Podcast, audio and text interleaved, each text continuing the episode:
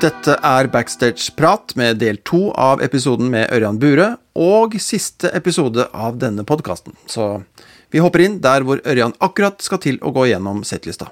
Du, skal vi se litt på settlista før du må inn og i Det skal vi gjøre. Vi skal se litt på settlista. Eh, skjønner du noe av sånne settlister? Du har jo sett mange før i ditt liv, og du har jo lagd mange selv òg. Det er jo bare stikkord, ikke sant. Her er det to avlange lapper er med like, masse da. stikkord på. Hva? Ja, de er helt like, de der. En er litt Ja. mindre enn den andre. Eh, ja, hva er det du skal eh, Kan ikke du starte, på starten? Starte. Jo, jeg starter jo med å fortelle hvorfor jeg begynte med standup. Uh, gjøre en invitasjon av, eh, av min gud. Min standup-gud. Som jeg egentlig gjorde litt av i sted også. Så eh, Det ante meg. det ante jeg, Men da blir han jo i full i dress og eh, med kroppsspråk og hele greiene. Det er veldig gøy å gjøre i dagfilm, for det, han er en av de som har liksom anerkjent meg og sagt at du er jævlig Det er jo eh, det er helt det, det, er gøy, det. Jeg, ser jo det. så, så det er jo Det er jo veldig fint når han kan stå bak i salen, som han gjorde i Bergen, og le, da. Da tenker jeg da er det en, en bra invitasjon som er i beste mening, da. Så, og jeg er jo ikke noe eh, imitator i det hele tatt, altså. Jeg, jeg kan liksom Dagfinn, og så kan jeg Svenno Høiby. Og han døde jo. For hvis du kan, Nei, du skjønner det, jenta mi, at nå skal jeg fortelle deg et par ting om livet. Og eh, Jeg husker vi to gjorde en standup-jobb inne i skauen eh, nede ved Kristiansand en gang. For noen skogsarbeider, eller nei, kanskje bare et firma på sånn teambuilding-tur. Ja. Da tok du den der, og det tok jo helt av. Ja, men så døde han. han eh, og da døde vitsen. Så Se og Hør drepte Svenna Høiby. Det var, la oss ikke glemme det. De gjorde jo det. De eh, proppa han full med penger og alt mulig. Det var ikke bra. Så står det fordommer. Taxi. Ja, det er, en- den, det er jo en sånn eh, I utgangspunktet så er det en vits jeg har eh, For jeg, jeg snakker litt om fordommer i de forskjellige stedene jeg reiser rundt. Eh, Og noen steder er det veldig lett. I Nord-Norge er det veldig lett eh, å spørre. eh, For det er liksom Jeg spurte da på Facebook et par uker før hva, hva mener du om Kan du definere nordlending med ett ord? Og da var det veldig sånn brautete, kåte, mener jeg er veldig morsomme, veldig stolte. Det er litt sånn klassiske ting som kommer Når du kommer til Lier, som vi er i dag, så er det sånn vanskelig å definere hva er en sånn Jeg klarer ikke å si at det Lier-folk er Er du litt enig? Ja. Drammensere er veldig tydelige igjen, da. Er Sånn der, eh, Jeg vet liksom ingenting om Lier, føler jeg. Nei. Det er noen epler, eh, det er det eneste. Men vi er jo så nærme Drammen nå at den kommer jeg til å gjøre om til, eh, til eh, antageligvis drammensere, eller så beholder jeg rett og slett eh, bergensere. Så står det 'født i Bergen'. Ja, Det er, eh, henger igjen fra de fem ukene jeg spilte i Bergen, så det er en sånn ren eh, eh, bergensvits som går ut i dag. Men som handler om at jeg er jo da ok. Jeg er født i Bergen eh, og flyttet til Geilo. Eh, ja. Så den skal ikke være med. Men det er veldig hyggelig at du tok det opp. Neste overskrift 'Norges største blogger'. Ja, det er jo Marna. Ja, ja. ja. ja. Du var ikke så halvgæren sjæl en periode. nei, jeg var jo Norges største i en liten periode. det var jo Hvordan klarte du det, egentlig? Nei, det Hele begynte med at eh, eh, he- Hele begynte egentlig med at jeg, Først så møtte jeg en veldig stor eh, engelsk komiker med, på et svært bord, da. Så jeg snakket ikke så mye med den. men det, det var mye bloggere til stede, og da sa altså den komikeren at den komikeren som starter å blogge ved siden av, og, og gjør det sterkt på sosiale medier, den kommer til å gjøre en jævlig bra karriere. Det var sånn lang diskusjon rundt bordet om det, og da satt jeg bare og lytta til det og tenkte interessant, da. Hvilken komiker var dette? Det er han Eddie Izzard heter han. Så han er jo ganske Ja, hvordan havnet du på bord med med Det han? var helt tilfeldig ved en eh, Litt sånn som jeg var i går, så satt jeg og så på Alice Ferguson.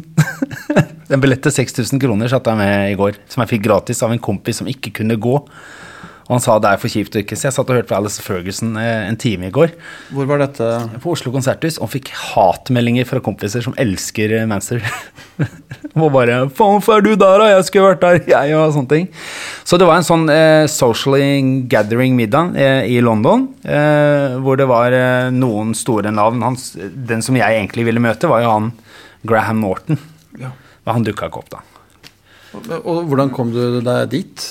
Det var via bloggsamfunnet Ja. til, min, eh, til Marna. Åssen var det å prate med de, sa det? Eller snakket du noe særlig med han? Nei, jeg sa hei til han. Ja. Jeg, jeg turte ikke engang se at jeg var komiker. Nei, det skjedde. For det var så Og det satt jo kanskje sånn 12-14 stykker rundt et sånt stort bord, da. Og han var et sånn midtpunkt som tok mye plass og, eh, og styrte egentlig samtalen. Men jeg så ikke noe snitt til å si Hei, I work as a comedian in Norway. Jeg gikk gjennom det mange ganger, da fikk han ikke til å stemme. så jeg tenkte da sitter jeg bare og lytter her sånn og er litt smart. Ja, det, det skjønner jeg veldig godt. Ja. Men, øh, men da, da ga, satte han deg på tanken om å prøve sosiale sa, medier? Han sa det til et par av de andre liksom, som satt der, og så tenkte jeg det er en interessant tanke, da. Men da så gikk det ett og et halvt år, så hadde vi en sånn diskusjon hjemme eh, hvor Marna hadde besøk av eh, to andre bloggvenninner. Så satt vi og drakk litt vin, og så slenger jeg bare ut sånn, så sier jeg men hvem som helst kan jo bli Norges største vlogger. Og hissa seg opp. Er er det meg, da. Så sa jeg nei, men det er bare å skrive om selvfølgeligheter. Så skriver om folk har, folk har lyst til å høre, eh, eller folk blir jævlig irritert for, så deler de jo det. Og hvis du legger litt kjærlighet i bånn av hele greiene og mener det du, det, det du skriver, eh, så blir du jo den største. Så, og da ble det sånn der jeg, Så sa jeg du, jeg vet da, gi meg et halvt år, da. Så skal jeg være Norges største blogger. Eh, og det ble skikkelig hissig, hissig temperatur, altså. To dager etterpå så hadde hun lagd en hjemmeside til meg. Lykke til. Tatt, altså, da lo jeg litt av det, og så gikk det en uke, og så tenkte jeg nei, jeg kan prøve å skrive, skrive noe, da. Og så skrev jeg eh, noe, og så eh, er det jo sånn når ting blir delt, da Det vet du også selv, bare du legger ut noe morsomt på YouTube eller et eller annet, så selv først at det deles og deles, da, og får likes, så blir man litt sånn eh, Ja, man blir litt sånn der oppslukt i det, da. Så, wow, så tenkte jeg så mange jeg nå, liksom. Plutselig var det sånn ja, 48 000 mennesker har lest det du skrev, da. Så det er 48 000 mennesker. Eh, Det er jo helt sinnssykt. helt tall, Så tenkte jeg at så finnes det, jeg synes det var gøy, og så eh, skrev jeg et innlegg om eh, Egentlig om syriske flyktninger, men jeg bytta det ut med svensker. Eh, på at vi har for mange svensker i landet, da. Så jeg brukte egentlig det samme greiene, bare bytte det ut. Eh, Og så ble det delt eh, i både Aftonbladet, det svenske to svenske, svenske største avisene, og i New York Times og i Daily News, eller hva det er for noe, så sto det på T-banen for New York eh, 'Norwegian comedian throws out Swedish people'. Jeg fikk bilder av folk av sånn nyhetsgreie som er på. Det er ganske spesielt. Ja, det var ganske sånn wow, og da fikk jeg jo helt sinnssyke klikkgreier på det. Og du blir Jeg skal innrømme, jeg ble litt sånn klikkhore. Jeg ble litt sånn oppslukt i de greiene. Eh, Og følte jeg nådde ut til så mange, da. Bare ved å sitte hjemme og jobbe. For komikerlivet er jo litt sånn slapt i utgangspunktet. Du kan stå opp klokka tolv, og så lurer du på om du skal gå og kjøpe en solo. Og så lurer du på hvor du skal gå og kjøpe den soloen. Og så lurer du på Så det er litt sånn du, har mye, du har mye tid. mye tid, da. Mens den eh, bloggreiene tok litt sånn tre-fire timer og vel så det eh, av hver dag. da. Jeg satt på kafé og bare eh, hamret løs og koste meg med alle mine skrivefeil. Jeg er jo ikke jeg er litt dysletisk, så, så det, det skrivefeil har jeg jo, da. Men budskapet kom nå fram. Så, så det var eh, Og så tenkte jeg ville jo sette opp show. Og så at nå har jeg nådd mye flere, og veldig mange av de folkene spurte hvor kan vi se deg gjøre standup.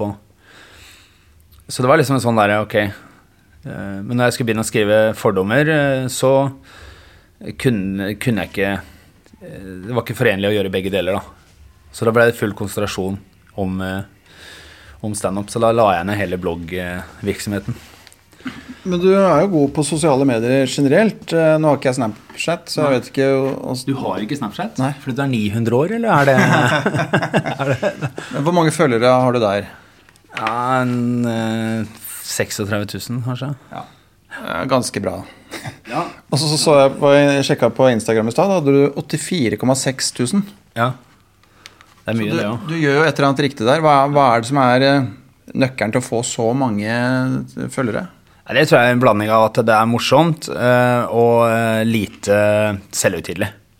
Det tenker jeg liksom er hovednøkkel. At jeg det- ja, tør å vise litt eh, de rotete, dårlige sidene ved deg selv. Da. Eh, så folk kjenner seg igjen i. Så den, jeg tenker, det er jo klart, jeg ser jo en del av disse Ellers er det perfekte, som hun er fotballfrue og sånn. Eh, For folk liksom har enten lyst til å drømme helt bort dit, eller så har de lyst til å, å være helt i andre skalaen. Da. Men hva har dette hatt å si for din eh, standup-karriere? Fordi en gang på Dattera til Hagen så var det lang kø, 200 meter lang kø, var det ikke det? Fordi du hadde lagt ut på sosiale medier at du skulle opptre der. Ja, det var visst ja, det, Jeg skal ikke stå og si det. Det er det, det historien sier det, da. Eh, I hvert fall sånn som andre, at det var veldig mye folk. Og, men Dex Carrington var også på jobb den dagen, så han òg trakk mye mennesker. Og han er også ganske stor på sosiale medier, så jeg skal ikke sitte og ta hele æren for det. Men, men det er klart, du når jo ut til veldig mange mennesker. Eh, og mobiltelefon, eh, Instagram, Snapchat er jo eh, Det er, førstehåndsinformasjon, da. Du sitter hjemme i sofaen, hva skal jeg gjøre i dag? Og så, oi, faen, det er jo show, det er bare 500 meter, det er bare T-banen to stopp, og så er vi der.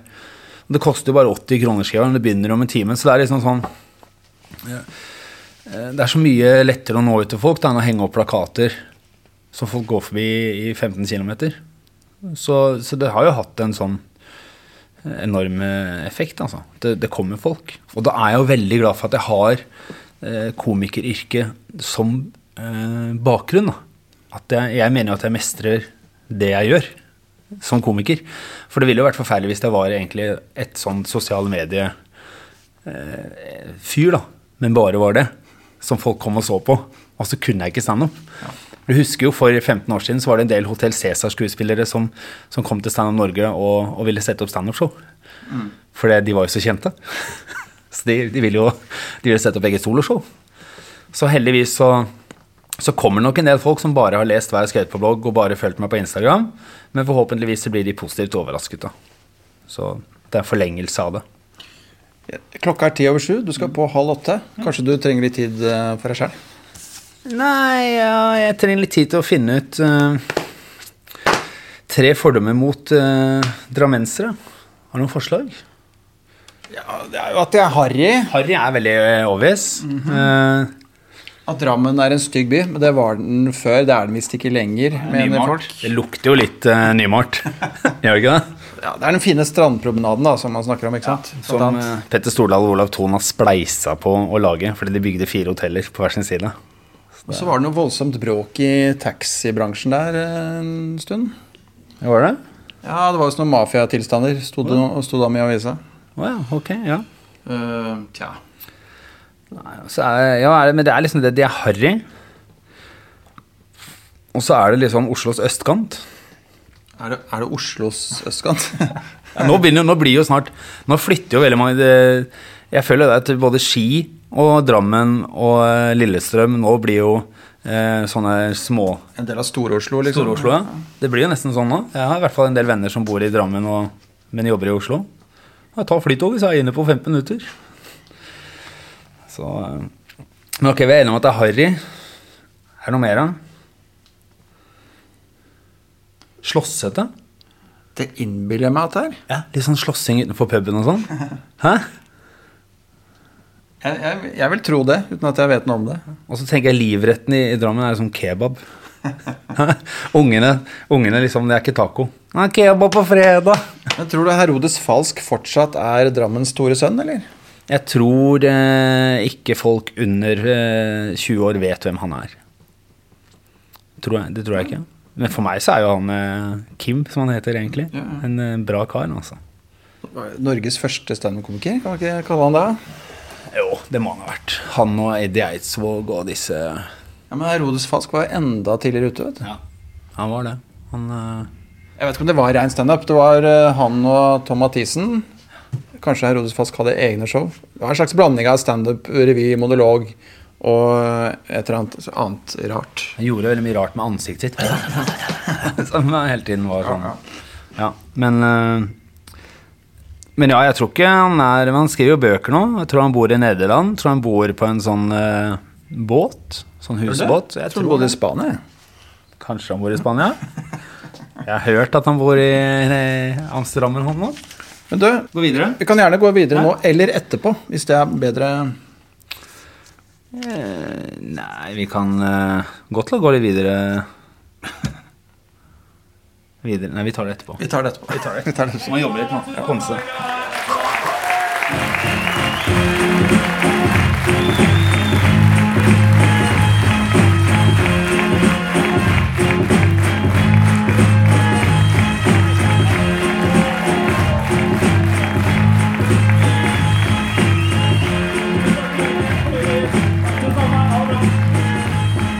Dette må vi mitt fri går i morgen.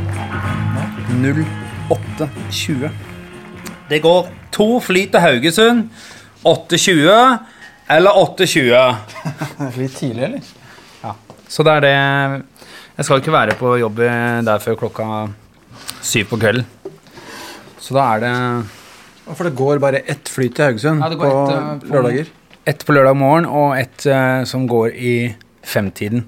Og da er jeg framme i 1800, som er en time før forestilling, og det går litt dårlig. Hva skal du gjøre i Haugesund i morgen, hele morgen? Du, jeg skal være eh, Jeg skal være James Bond. Ja, men altså, hva skal du gjøre i Haugesund i hele morgen før jobben? Det er jeg god på. Det er noe som heter Netflix, og så er det noe som heter uh, sjangerdokumentar. Og jeg, jeg kan se Jeg har sett dokumentarer om bier. Jeg ser alt av dokumentarene, så det blir dokumentar. Jeg syns Jinx var en dårlig dokumentar. Har du sett Jinx? Ja, jeg likte det. Ja, alle liker den. Men hva da? En sånn der, Du sitter og venter i tolv timer på at en senil fyr står på toalettet og forsnakker seg. Nei, jeg syns det var veldig fint, jeg. Men har du sett eh, stair, stair, stair, Staircase? Ja. Den er bedre. ja, fin den òg. Ja. Making a Murder også, da. Fin den òg. Skal vi snakke om dokumentarer? Men, men uh, i Haugesund så må du stikke innom Slakt Haaland i gågata og gågata Ja. Og, øh, og spise dronning Maud-pudding. Det, var- det var min Haugesund-dialekt, da. Er det godt? Nei, Pudding men det er er typisk Haugesund-ting. Er det? Men pudding, sånn som er lagd i kabaretform Nei, Det er som uh, fromasj, men at det heter dronning Maud-pudding fordi dronning Maud kom dit og fikk det en gang. Skal du fortelle om det på showet, da, at du har gjort det? Da får du litt uh, gratis poeng der. Jeg kommer til å fortelle det. Ja. Jeg kommer ikke til å gjøre det. Men du, vel blåst, da. Takk skal du ha. Takk. Takk. Hva, hva, hva syns du altså, Du har jo spilt dette her før, andre scener. Hva, hvordan var det å spille det her i forhold til andre steder? Nei, Jeg kunne gjerne hatt sånne litt mer eh, folk i salen, men uh, for meg som egentlig alltid har vært en sånn derre applaus- og latter-junkie, så, så er det her mye mer interessant, gøyere forestilling, fordi at uh, den har en sånn oppbygging. At den begynner rolig, og så jobber jeg meg oppover. Så jeg vet jo hvor punktene kommer, og hvor det liksom Taket løfter seg, som det heter, da. Eh, men veldig ofte så er man jo enten komiker 15 minutter på, på latter eller på en klubbscene eh, sånn maks 20 minutter er jo veldig ofte vårt yrke. Og du må tenke litt annerledes når du skal stå en time og, og ti minutter. da. Så da, da må du ha en sånn annen dynamikk på det. Så jeg eh, føler meg liksom proff når jeg gjør det her, da. For jeg vet at jeg skal liksom videre dit, og jeg har en vei, da. Og så sitter de på i den taxien min, og så og er det gøy å se at jeg får de med på hele veien. Så jeg syns det er fint, jeg. Jeg er stolt, jeg. Åssen er det å gjøre det i forhold til det å gjøre en klubbjobb med en settliste som man kan forandre på underveis og sånn? Nei, det er jo eh, Det er veldig gøy å gjøre klubb, eh, spesielt hvis man har nye ting. Man vil putte inn noe sånn Donald Trump Trump. Alle sier Trump. Ja, heter Trump. Donald Trump. Men uh, da kan putte inn en sånn liten sånn Donald Trump-vits eller et eller annet som er veldig sånn gøy med å være klubb. For du er litt friere til å sjonglere. Her er det jo showet, så skal jeg gjøre det sånn som det er. Uh, og det er egentlig ikke rom for å putte inn en Donald Trump-vits fordi den faller så utenfor det jeg skal, da. Jeg skal et sted med en historie. Så, uh, så det er litt sånn det er, det er kjempegøy å gjøre klubb og jobbe sammen med kollegaer. Eh, og så er det kjempestas eh, å stå alene, eh, stolpestøtt. Så det er, begge ting er digg.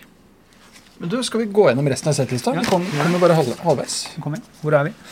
nå er vi på Er vi på svigerfar, eller? Svigerfar. er vi på, ja. Vi kom ikke halvveis, vi kom eh, Kom- nesten ikke ikke kom nesten ikke i gang engang. i gang. Nei. Nei, hva vil du vite? Nei, eh, Den eh, svigerfarhistorien er jo en ganske basert sann historie. Jeg har jo en svigerfar fra Ørsta som er eh, skeptisk til det meste. Og i hvert fall alt som kommer, kommer sør fra Volda. Så det er jo en sånn Mange som kjenner seg litt igjen i det møtet med, med svigerfar og svigermor første gang. da. Er det sann historie, eller er det basert på den følelsen du fikk, og så har du dikta litt ut fra det? Eh, sannheten er at det gjelder min, eh, min eh, farfar. Det med smør. Okay. Ja, så det har jeg hentet der. Men sannheten at svigerfar stilte meg alle disse spørsmålene eh, om eh, det tulleyrket mitt, og anså så på meg som en tulling, det er helt sant der. Men hva du jobber med?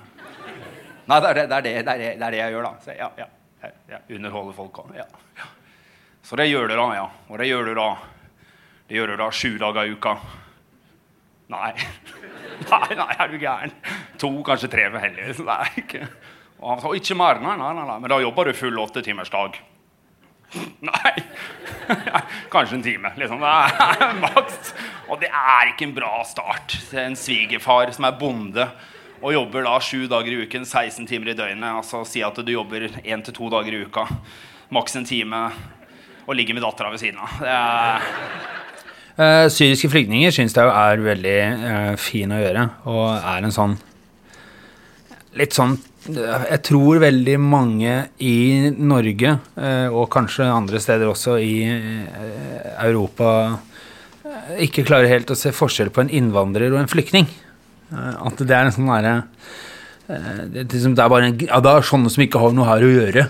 Det tror jeg veldig mange har sånn der, som ikke har satt seg inn i det. Da, og da er det veldig viktig å egentlig prøve å forstå det med eh, folk fra Syria. Syria er egentlig et ganske ressurssterkt eh, sted. da, Hvor veldig mange er leger og lærere og sykepleiere og TV-reportere. det, ja, det er folk som klarer seg ganske bra, er veldig glad i, i landet sitt.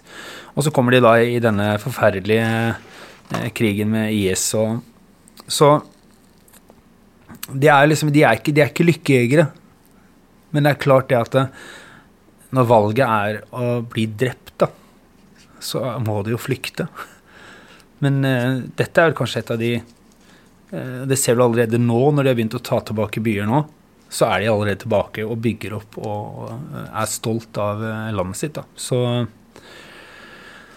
det er egentlig synd at det ikke har kommet fram mer om det i media. hva, hva hva er en flyktning, og hva er en innvandrer? Og jeg ser absolutt ikke på syriske flyktninger som lykkejegere, men så klart de er redd for å dø. Eh, så da Ja, det er bare de med masse penger som kommer seg ut. Hva med deg, da? Hvis du hadde hatt jævlig mye penger, og det var krig i Norge, du ville vel brukt det for å komme deg unna? Jeg skulle gjerne sett oss på flukt med våre ilandsproblemer. vi nordmenn kommer inn i en sånn flyktningleir sånn Yes, thank you so much for helping us, really. Yes, and, and the gryte. It smells very good. It, yes, it. But I see in the gryte you have something called paprika. yeah. And I like paprika, I, really, I do also, but I don't like the paprika when it gets warm. no, because then it gets so slappy. Yes. uh, yes, I only like the cold crunchy. Actually, in Norway, we have something called Grandiosa. And when I eat the Grandiosa, I always take the paprika off. And everybody know that daddy won't have any paprika on his Grandiosa side. Uh, yes. And is there any milk in the gryte? Oh, I have lactose intolerant, you know. yeah. Oh, if I'm gonna fart in the tent, it's gonna be terrible. yes, yes, yes, yes. Yeah. No, no, no, no bread for my wife. She's on a low carb. so. Du har valgt en litt uh, ny vinkling der, syns jeg, på den tematikken. Hvordan tenkte du når du valgte den innfallsvinkelen der? Nei, det var etter mange diskusjoner på sånn pub med da folk som er liksom eh, Det det handler om, handler om eh, redsel og uvitenhet. Og da tar man en konklusjon, da.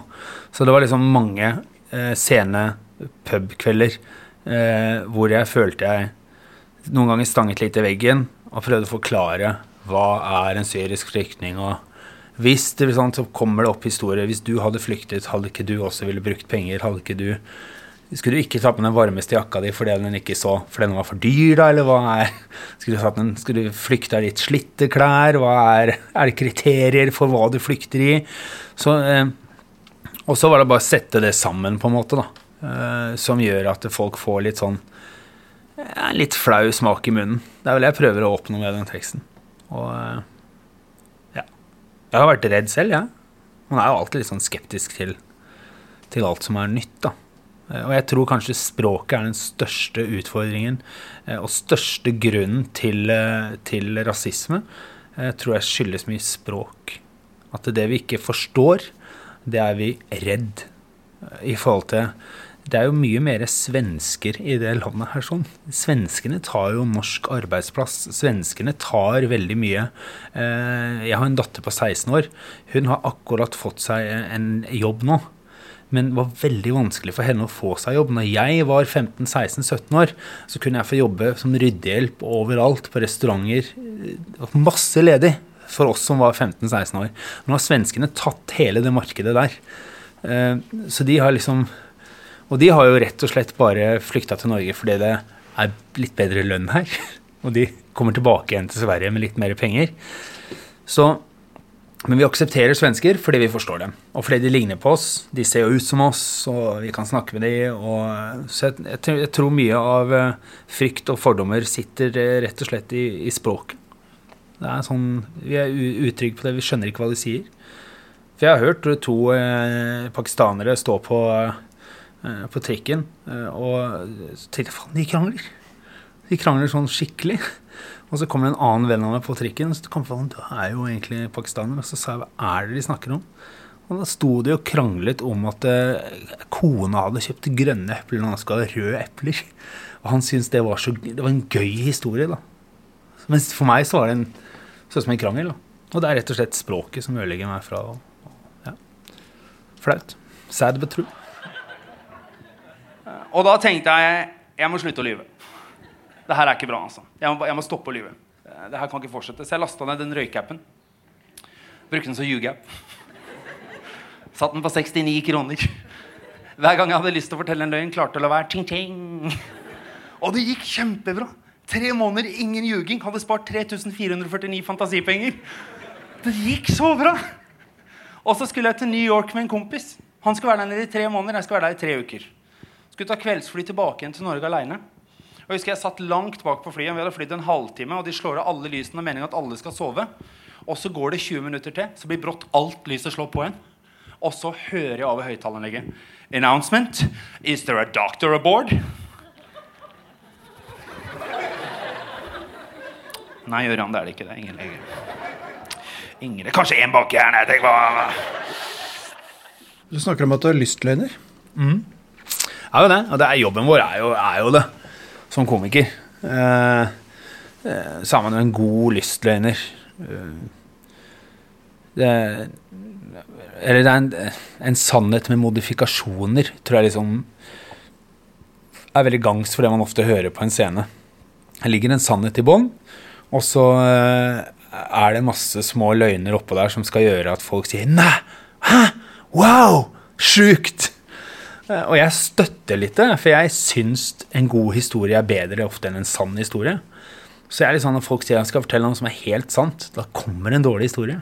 Men hvis noen sier jeg skal fortelle noe som er helt sjukt, så kommer det ofte en god historie. Og så er det alltid en annen dust som sitter og Ja, men det er ikke mulig, det. For det er jo ikke to stolheiser eh, på den sida av Så begynner de å sånn eh, lage logikk ut av Så tenker jeg nei, drit i det. Historien er kjempebra. Er, eh, et godt eksempel på det er Når jeg var 20 eh, år gammel, så eh, jobbet jeg i en bar sammen med en mann som var da 55. Og han likte da å høre om mine historier med jenter. Han syntes det var sånn veldig gøy å, å, fortelle. ikke sant? For liksom, Han levde litt gjennom meg. Og så sa jeg en gang til han at ja, faen, var ute i går, vet du, og så kom det to, to jenter. Og han ba nei, nei, nei. Jeg bare, jo, jo, så så sa hun ene at vi går inn på, på handikaptoalettet. Og man, ba nei, nei, nei. Og så gikk vi inn dit, og så begynner den ene å kneppe av meg i buksa, mens den andre knepper av en Han bare. Og så sa jeg til henne, men du skjønner at det jeg sier nå, bare er tull? Og så stopper han lenge opp, så sier han ja, men fortsett, da. så er det liksom en sånn eh, Jeg liker det mer sånn, altså. Fortell historier historie er gøy å høre på. Men Det du snakker om eh, når du sier at du har lystløgner, det er vel at du rett og slett har fortalt løgner mm. altså, Ikke bare på scenen, men på privaten. Ja, ja, ja. Men hvordan fungerer det? Fortell litt om det. Nei, det øh, fungerer vel sånn at øh, Og noen ganger har det vært liksom mitt, mitt Tourettes syndrom. Det har vært dumt, da. Jeg har plumpet ut ting som Det kan umulig være sant. Og noen ganger så har jeg tenkt så klart ikke det er sant. Du skjønner jo at det ikke er akkurat sånn historien er, da. Du tenker at mottakeren forstår at ja, dette forstår, her er overdrevet? Ja, eh, hallo. Det ligger en liten eh, halvøyn i det her, da. Og eh, Men uten at, uten at man sier det eksplisitt? Ja. Så det blir opp til den andre å Det er, det. ja, det er det som kanskje er da eh, Blir feil av meg som eh, Som deler denne løgnen. Men jeg- men jeg tenker det er mange historier man sitter eh, vennepar rundt og prater og prater, så er det jo gode historier. og Så kom det to ambulanser, og så kom det fem politibiler. Som er mye gøyere enn én ambulanse og ingen politibil. Jeg kan se for meg at det der funker veldig bra hvis den du forteller det til, er med på historien og syns det er gøy. og sånn. Men hva hvis du forteller en historie hvor du merker at den andre tar det for alvorlig, og så er det på en måte for seint å snu? Ja, da må du på et eller annet tidspunkt ta den der inn på kjøkkenet. Det er ikke helt sant, det jeg sa. så Jeg så du stussa litt på et par av tingene. Ja, for Hvis man ikke gjør det, så kan man kanskje bli arrestert på det. Det har jeg blitt mange ganger. så, så det Men det får så være. Jeg syns det har vært veldig gøy å fortelle historier. Jeg har til og med blitt arrestert på ting jeg har sagt på scenen. da. Så det er vanskelig å vite sånn. Og da tenker jeg da er det obvious, da må du skjønne at det ikke er, er tilfellet. da. Så Men du kommer inn på sjalusi også, det er sant. og det har vært et uh, seriøst problem. Det er jo ikke et uh, Det er ikke et problem, det er en tilstand som, uh, som er Som er nok mye mer konkret enn det eh, man snakker om og gir uttrykk for. da. For det er ikke sant at man er sjalu én uke, og så er man ikke sjalu neste uke, og så er man Når man er sjalu, så er man konstant sjalu, da. Man går med en form for eh, bekreftelse i magen på at hun gjør noe bak ryggen din. Eh, og den, den tanken er så mye mer ekte enn virkeligheten. da. Så det er det som er veldig sånn med å være eh, sjalu, at det, du tror så mye på det. Og du prøver å få en slags form for bekreftelse på det. Og selv om det aldri blir liksom bekreftet, så er det bare Ja, men det er hun som er sjalu, da. Så det liksom sånn Og det Så jeg hadde en lang bit der som jeg tatt ut ut av, eh, av showet, som handlet om at jeg sjekket opp et telefonnummer og googlet det, og hun skulle Og da skulle hun møte en som het Roy Snellingen. Og spurte henne hva du skal for noe. Skal vi gå på kafé i morgen? Og hun ja. Det, så sa hun nei, jeg, ikke, jeg er litt opptatt mellom tolv og to. Og så sa jeg hva da? Nei, jeg er litt opptatt med noe ærender og sånn. Og det Hallo. Så da er det sånn, ja, men øh, jeg har lyst til å være med deg. Ja, men det, det passer veldig dårlig. Så du skal ikke være med meg mellom tolv og to. Og da er det det med sjalu at du klarer ikke å holde det inni deg, da. Så da er det vel sånn Ok, jeg vet det, jeg. Jeg vet at du skal møte Roy. Eh, og, så jeg syns det er bare Jeg bare vet det. Du kan bare si det. Sånn er det. Ja, hvorfor vet du det? Ja, fordi jeg vet det. Ja, har du vært på telefonen min? Nei, det har jeg ikke, men jeg vet det. og da, ja, da kan du være med, da, Ørjan. Da får du bli med. Så møter vi denne Roy, eh, som stusser litt på at jeg er der. Og jeg stussa litt på at han stussa på at jeg var der. Eh, for Roy er jo da tidligere verdensmester i, i motocross.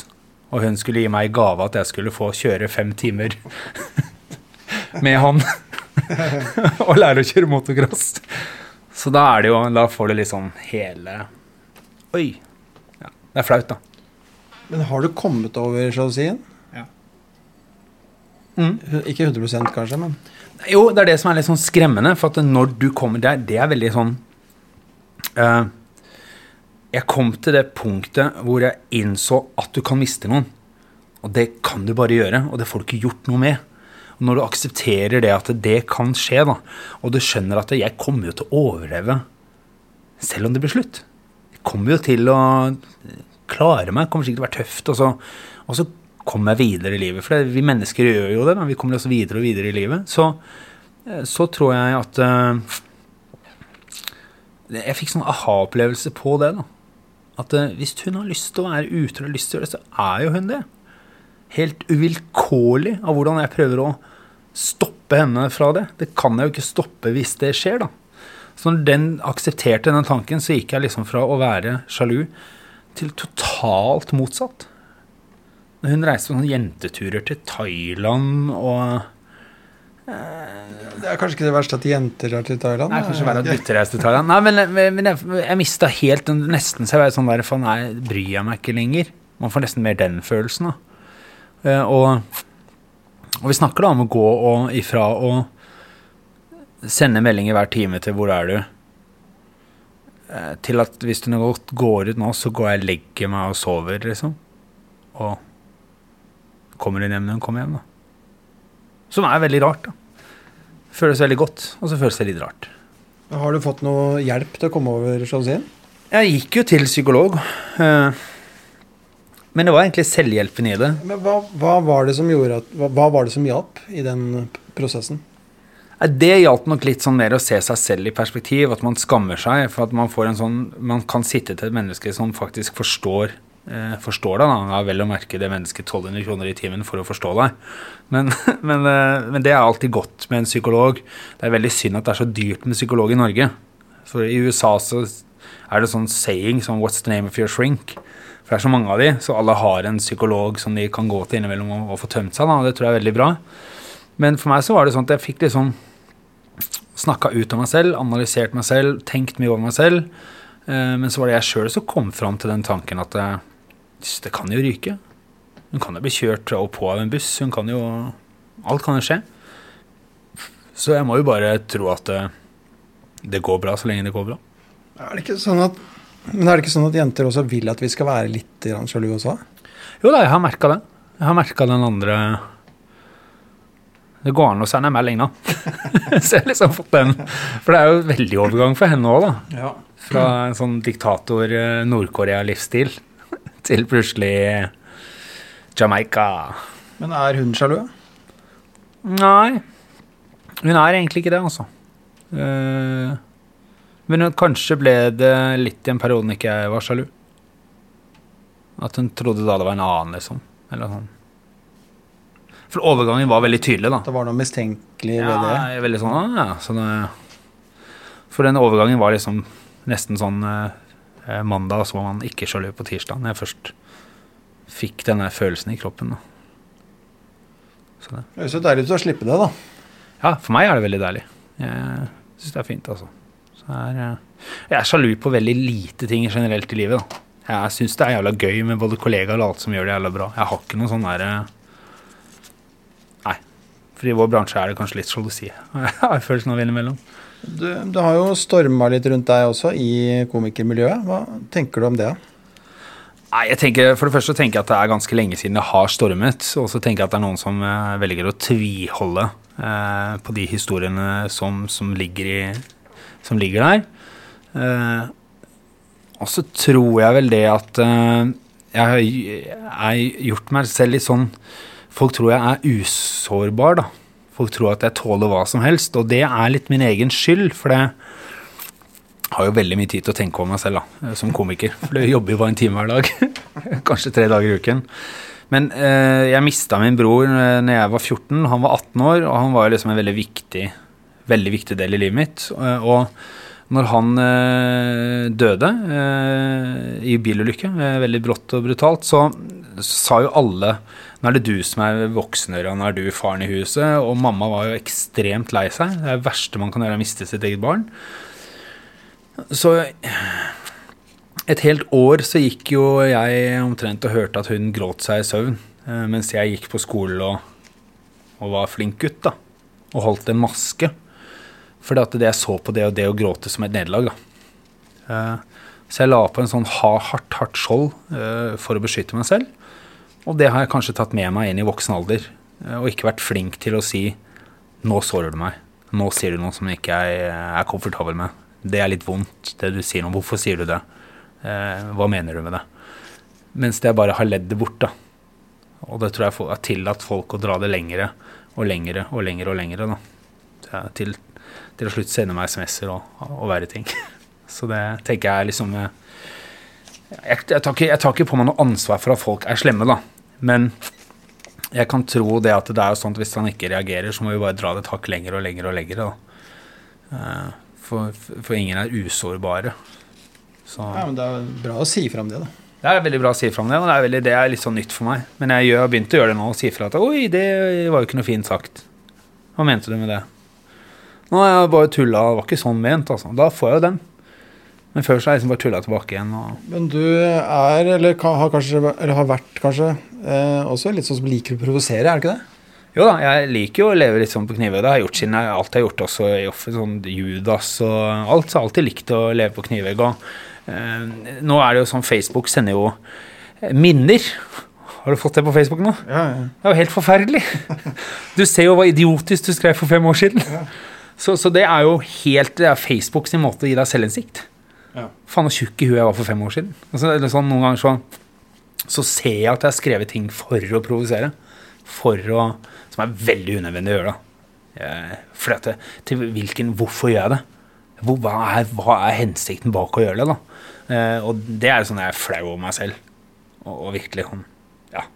Så dust å skrive. Mye dustete ting, altså. Så, så det angrer jeg på, men jeg må jo bare tro at eh, jeg kan bli eh, bare en bedre utgave av meg selv jo eldre jeg blir. Og så eh, får de som vil holde på gamle historier, eh, tviholde på de. Eh, og så forhåpentligvis er det noen som sier ja, men jeg syns Ørjan har blitt mye hyggeligere å ha med å gjøre. Men jeg møtte deg på Latter for en stund siden, og da sa du at du hadde tatt en pause fra alkohol. alkohol. Som du er innom på i showet. Som du er innom i showet. Og da sa du at det hadde litt med hvordan du ble når du drikker. Ja, jeg måtte eh, rett og slett Høres ut som jeg drakk så ofte, og det gjorde jeg ikke. Men når jeg drakk, så de gangene jeg gikk ut på byen, om det var eh, annenhver eh, uke eller to ganger i uka eller en gang i måneden, så drakk jeg masse, da. Og blei veldig, veldig full, og da blir man liksom uh, uvøren i talespråk og, og alt, da. Så jeg kom til et punkt hvor jeg ikke likte meg sjøl, da. Eh, ja, eh, ja. Det Jeg ble en dårlig versjon av meg sjøl. Så jeg tenkte at da Da er ikke alkohol noe for meg, da. Det er ikke det, det, det er synd å gjøre, men da taper du det. Så jeg, jeg valgte da å, å stoppe, og da, da egentlig stoppa jeg for å drikke for alltid. Det var tanken min, da. Men så opplevde jeg det når jeg var edru. Så så jeg andre fulle mennesker. Og blei veldig skuffa. Og så mye av meg. Kom inn! Vi er straks ferdig. Hei. Vi, skal vi gå nå? Vi er straks ferdig. Ja, vi er straks ferdige nå. Sju minutter igjen. Ja, er de nede ennå, de jentene? eller? Ja, men da går vi tar det etterpå. Sju minutter. Kom igjen. Takk, skal du ha. Jeg rydder litt, mens hvis det er greit. Ja, rydd, du. Nei, så jeg opplevde at det var en sånn Jeg så alt det dårlige de gjorde, og så veldig mye meg selv i det. Og så tenkte jeg at det er jo helt krise. Så jeg har jo fortsatt uh, gitt meg et par sånne regler, da. Men når jeg kanskje bør begynne å drikke alkohol på byen For jeg drikker jo ikke sprit, for eksempel, da. For da vet jeg aldri liksom, når det kicker inn i hodet. Uh, men jeg kanskje ikke begynner liksom å drikke så tidlig og passe på å bestille et glass vann innimellom og, og gå hjem. Tenker jeg også er veldig fornuftig innimellom. Bare gå hjem, rett og slett. Men nå skal du ut på turné, Ørjan, eller over nyttår, da. Hvor skal du? Er det booka noen jobber, holdt jeg på å si?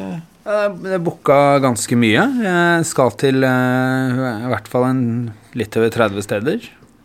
Så det er jo veldig mye. Og det er jo alltid ifra Tromsø, skal tilbake igjen til Bergen i februar og spille nye forestillinger der. Og skal da til Mo i Rana og Sandnessjøen og alle disse stedene der du ikke skulle tro at noen kunne bo. Eh, og ja, Vestfold skal jeg rundt til hele Vestfold. Nøtterøy kulturhus eh, skal jeg til. Og eh, Kristiansand. Ja, alle disse stedene. Så det blir gøy. Kolbotn skal jeg. Ikke, ikke minst, altså. Kolbotn er sin. Du, lykke til. Takk for at jeg fikk være med deg på jobb. Veldig hyggelig. Jeg gir meg der. Tusen takk for meg. Hyggelig å være her.